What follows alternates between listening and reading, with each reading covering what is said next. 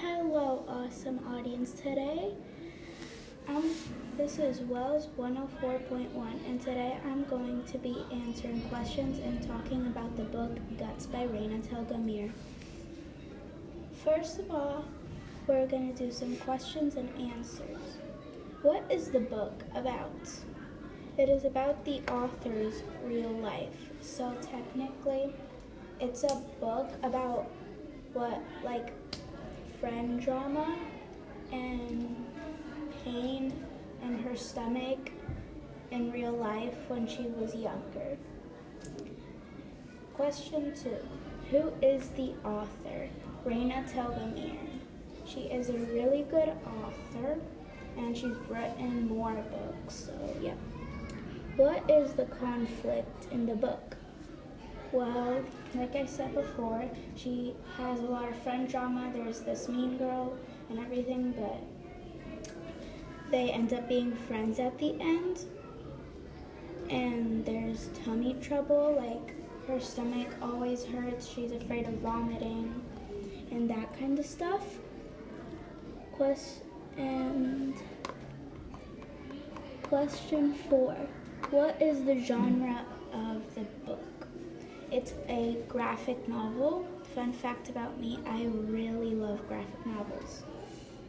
Question 5. What is the what is the solution? The so what the solution is in the book.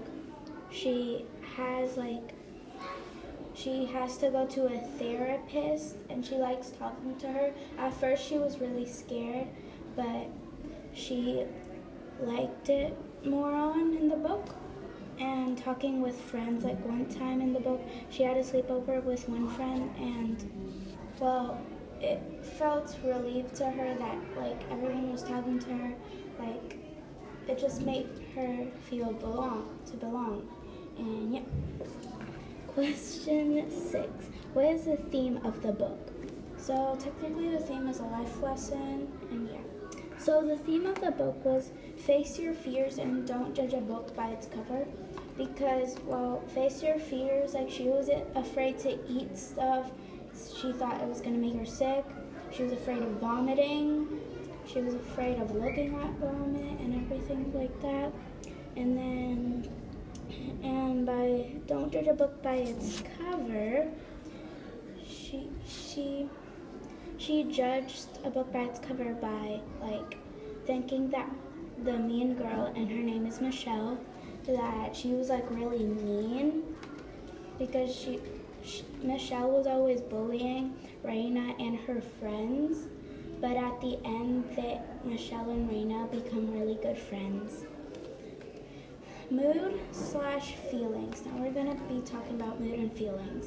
So I think that at, um, during the story, Raina felt like sick. She always thought she was going to throw up and she was scared about that. She also felt embarrassed because there was a lot of embarrassing times there and melancholy because she thought that she was weird. She didn't think she belonged before. And yeah and angry. Sometimes she was like really angry and also annoyed by Michelle. So, yeah, and unlucky because there are some parts in the book where she was really, it was really unfortunate of like her being really sick, stomach flu, everything. Now, now the conclusion. Think now the conclusion. So, yeah. Thank you for listening podcast and make sure to go check out Raina Telgemeier's graphic novels. Foul out.